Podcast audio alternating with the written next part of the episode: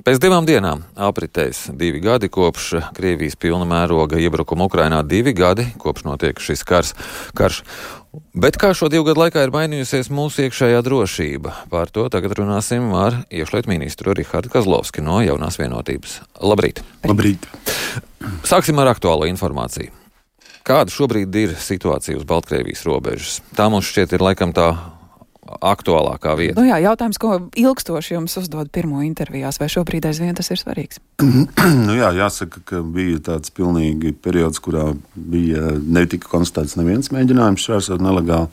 Arī mūsu kaimiņos tāpatās, bet eh, jau kaut kur teiksim, tā, divas nedēļas mēs sākam uh, konstatēt, ka parādās pirmie mēģinājumi. Tie skaitliski nav lieli, bet ir. Tāpat tās, tas ir gan Lietuvā, gan Polijā. Līdz ar to, nu, kā mēs arī prognozējām, nu, tas, ka teiksim, ir pieņemts kaut kāds lēmums, pilnībā teikt, arī darīt visu, lai šādas personas netuvotos robežai. Ne, to mēs redzam, ka tas tā nav jautājums, vai tas pāraugs atkal masveida mēģinājumos, vai saglabāsies tā atsevišķu grupu veidā, kas pašlaik tiešām nav skaitliski liels - 9 cilvēki, 5 Bet jā, nu, teiksim, tā situācija atkal lēnām sāk mainīties. Nu jā, Laika apstākļi uzlabojušies. Viens no, es neizslēdzu arī šo, varbūt vienu no faktoriem, jo, nu, ja mēs runātu par tādu teiksim, mēģinājumu, kā jūs minējāt, divu gadu kopš kara Ukrainā, tad visticamāk būtu skaitļi krietni lielāki. Kā mēs atceramies, pagājušajā gadā bija virs 200 cilvēkiem pat diennaktī tika atturēti. Bet, nu, vēl... Uz gada dienu, ja? Nu, es, nu, kā mēs redzam, arī Ukrainā šis izmisīgie Krievijas mēģinājumi darīt visu, lai pirmkārt droši vien parādītu divu gadu rezultātu, otrs Krievijas prezidenta vēlēšanas. Pašlaik nu, es nevaru teikt, ka mēs saskaramies tiešām ar tādu situāciju, kā bija pagājušajā gadā, taču mēs esam gatavi. Mums ir skaidri rīcības algoritmi. Kā, ja būs nepieciešams, mēs atkal iedarbināsim šo pastiprināto režīmu. Un darīsim visu, lai aizsargātu mūsu robežu. Mēs noteikti esam arī tehniski un tehnoloģiski gatavāki. Tā iespēja ir reaģēt tikai viņiem, esot jau pāri robežai, virzoties. Nu, kā, Mēs, eh, protams, šis laiks eh, un arī pagājušajā gadā eh, ļoti intensīvi tika ierīkota Baltkrievijas robeža. Tad, tad reāli sauszemē žoks ir izbūvēts uz Baltkrievijas robežas pilnībā.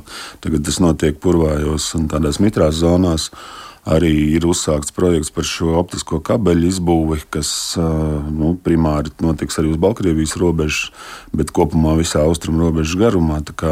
Arī tiek īstenoti projekti, kas ir tādi lokālajie uzraudzības projekti ar torņiem un video novērošanu. Skaidrs, ka mēs ar katru dienu teiktu, kļūstam stiprāk. Bet tas uh, uzmanības centrs joprojām ir Baltkrievijas robeža. Krievijas robeža tur tas raizes nedara nekus? Raizes vienmēr ir un bažas ir. Jā, man nav arī izskaidrojumi tādu uzreiz, kāpēc teiksim, šis viss periods. Uh, bija Baltkrievijas robeža, uh, nevis Krievijas robeža, jo šie potenciālie šķērsotāji tika piegādāti, ja tā drīkst izteikties, no Krievijas. Taču Krievija to neīstenoja. Līdz ar to man nav uzreiz tādas atbildes, kāpēc, acīm redzot, ir kaut kāda sava apsvēruma arī Krievijas pusē. Es teiktu, tā, ka mēs diezgan, manuprāt, izlēmīgi rīkojamies ar robežu čērsošanas punktu slēgšanām. Līdz ar to arī jau pagājušajā gadā esam teikuši, ja tas tiks īstenots līdzīgi kā Somijā, vai kā mēs pilnīgi noteikti aizslēgsim visus punktus. Līdz ar to, protams, jārēķinās ar viņu nu, par ko mēs runājam, par dažādiem tranzītiem un importiem, bet, ja drošība tiks apdraudēta, tā būs primāra. Līdz ar to es domāju, ka kaut kas varbūt saistīts arī ar šo faktoru. Jo mums šī robeža ir tiešām blakus Krievijai, Baltkrievijai. Visticamāk, arī īstenībā ir izdevīgāk darīt tā, ka izmantot Baltkrieviju kā tādu placdarmu, no kur īstenot savus nodomus. Šie robeža, šie notikumi uz robežas, kas ir bijuši šo divu gadu laikā, nu, ir viens no hibrīdu uzbrukumu veidiem. Kādi vēl šādi hibrīdu uzbrukumi ir bijuši šo divu gadu laikā, kas nu, ir radījuši bažas struktūrām? Nu, primāri atceramies pagājušajā gadā šie vilnas zvani, vilnas e-pasti par spridzināšanas draudiem. Tas bija ne tikai Latvijā, tas bija kopumā arī mūsu kaimiņos. Un, uh, arī pat Francijā un pat līdz ASV aizgāja. Tas pilnīgi noteikti nav uh, atsevišķu individu vai mazu grupiņu. Tas ir veicināts, lai tas būtu mērķēts tieši uz ievainojamību. Otrs, jāsaka, ka mēs saskaramies ar vien vairāk arī ar kiberuzbrukumiem, kurus atvēram. Tad pilnīgi noteikti, lai mēģinātu traucēt un tieši arī drošības infrastruktūru. Līdz ar to Nu, jāsaka, arī, nu, arī valsts drošības dienesta darbība un aizturētās personas un to profils liecina, ka nu, ir mēģinājumi tomēr darīt tā, lai sabotētu, ir savi rīcības algoritmi. Bet nu, valsts drošības dienests ir spējis novērst kopā arī ar kolēģiem Igaunijā un Lietuvā.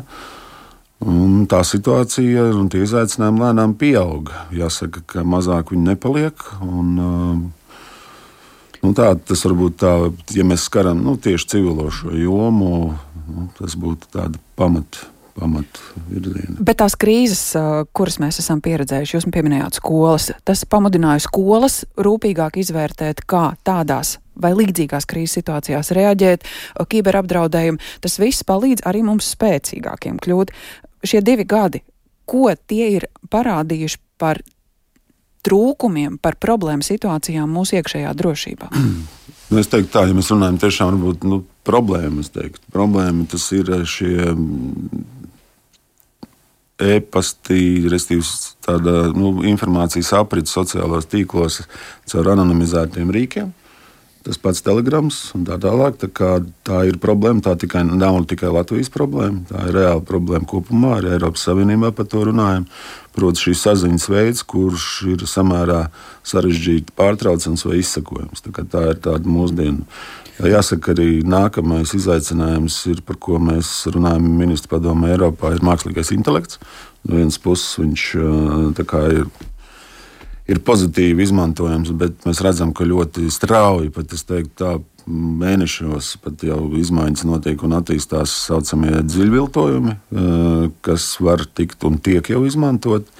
Līdz ar to tas arī, nu, es teiktu, kopumā ne tikai Latvijai tas ir primārais izaicinājums, man liekas, spēt atpazīt šādus gadījumus, jo viņi kļūst ar vien nu, kompetentāki, ja tā drīkst izteikties. Bet tā ir tāda tad... situācija, uz kuru spēj rēģēt arī dienesti. Es domāju, ko šie divi gadi ir parādījuši par mūsu dienestu kapacitāti. Nu, piemēram, šie... policija atpazīstu dziļviltojuma zvanu. Nē, nu, es, tā tad vēlreiz tā pamatideja tāda ir, ka mākslīgo intelektu var atpazīt mākslīgais intelekts. Tā ir realitāte. Ja, tas ir tas, kas mums ir jāattīst, ko es arī esmu uzsvērs, ka visas iespējamie resursi mums pirmkārt Latvijā ir jānodefinē tieši konkrētas jomas un spējas, ko mēs gribam attīstīt. Mēs nedrīkstam izkaisīt tos pašus Eiropas fondus. Mums jābūt, manuprāt, primāri mērķiem tos izmantot tieši drošības kontekstā. Jā, bet es teiktu, ko ir devis, nu, mūsu dienas pilnīgi noteikti ir kļuvuši spēcīgāki. Tas pats piemērs par robežu pastiprināto režīmu, kur robežsardze, valsts policija, zemesardze strādā. Tas nozīmē to, ka viņi ir sastrādājušies gan tieši organizēt šo robežu aizsardzību, Tad, tad tagad mums vairs nav jārada kaut kāds jauns mehānisms. Ja būs jauns izaicinājums, mums ir faktiski jāiedarbina tikai šī procedūra, un viņi visi zina, ko darīt. Policija ir sadarbojusies un sastrādājusies ar pašvaldības policijām, kurām būtu jābūt šogad. Uh, jā, protams, uh, tas izaicinājums, kas ir, es saprotu pašvaldības, kurām uh, jāveido tagad pēc likuma, un ir skaidrs, ka dažādām pašvaldībām dažādas rocības, bet tās, kuras ir izveidojušas jau Rīga, Jelgava, Ventspils, tāpat kuldīga. Tur ir spēcīgas pašvaldības policijas, un es esmu tagad pagājušajā nedēļā biju tieši Kurzemes reģionā, kur ir ļoti laba sadarbība. Tas ir reāls arī atbalsts policijai, jo mums ir reāli valstī nedaudz virs 2000 pašvaldības policijas darbinieku. Kā ir ar darbinieku lojalitāti? Šis jautājums jūs nesatrauc? Tad, kad piekāp jaunieti ar Ukrainas karogu plecos, policijas darbinieks līdzās neko nereģē, un tas toreiz radīja diezgan sliktu reputāciju policijai. Nu, jā, bet es gribētu teikt, ka tas ir individuāls gadījums, un, protams, arī persona saņēma par to atbilstoši sodu. Jā. Līdz ar to es teiktu, kopumā es uzskatu, ka mūsu dienesti ir pilnīgi noteikti lojāli. Jāsaka, par ir arī par, nu, teiksim, valsts policija, glābšanas dienas. Glābšanas dienas, manuprāt, ir pozitīva tendence tā, ka pagājušo gadu pirmo reizi valsts ugunsdzēsības glābšanas dienestā tika pieņemta dienestā par 29 darbiniekiem vairāk nekā atvaļinājās. Un tas ir saistīts ar šo Pirmkārt, manuprāt, arī ar jauno vidas veidošanu, jauno transportu, kas tiek iegādāts.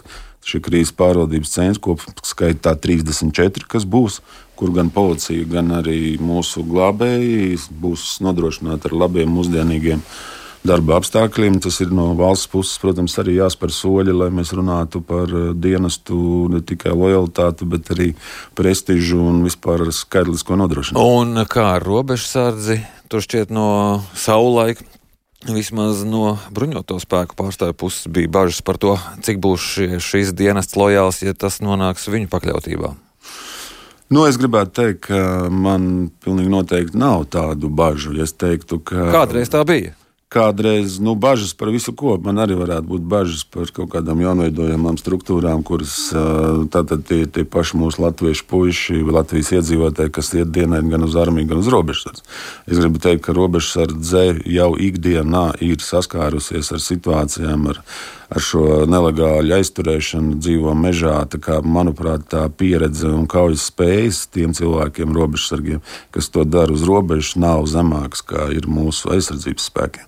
Un atalgojums, kad, piemēram, ugunsdzēsēji saņems to pašu, ko bruņoties spēkos. Jūs ļoti precīzi jā, pateicāt, diemžēl šeit mēs atpaliekam no bruņotajiem spēkiem. Līdz ar to nu, esmu runājis, ir pašlaik jau teiksim, tā izvērtēšanas posmā šis atlīdzības sociālo garantiju jautājums, ko es esmu ieskicējis un jau publiski arī teicis par trīs gadiem. Es ļoti ceru, ka nākamgad mēs atrisināsim sociālo garantiju jautājumu, līdz ar to būtiski sparot soli uz šo izlīdzināšanu ar bruņotajiem spēkiem. Tas tikai nākamgad. Nu, bet budžets tiks pieņemts šogad. Ja mēs to izdarīsim, tas būs ļoti būtisks solis. Es gribu teikt, ka tā reāli būs tā, ka mēs vairs neatpaliksim šādās proporcijās, un tas skars visas amatpersonas. Līdz ar to es pašlaik atturēšos saukt precīzi skaitļus, bet es ļoti ceru, ka kaut kur mēneša griezumā vai nu, līdz vasarai es varēšu jau runāt par skaitļiem. Jā, liels paldies par šo sarunu. Mūsu studijā bija iekšlietu ministrs Rihards Kazlovskis no Jaunās vienotības. Paldies! Labu.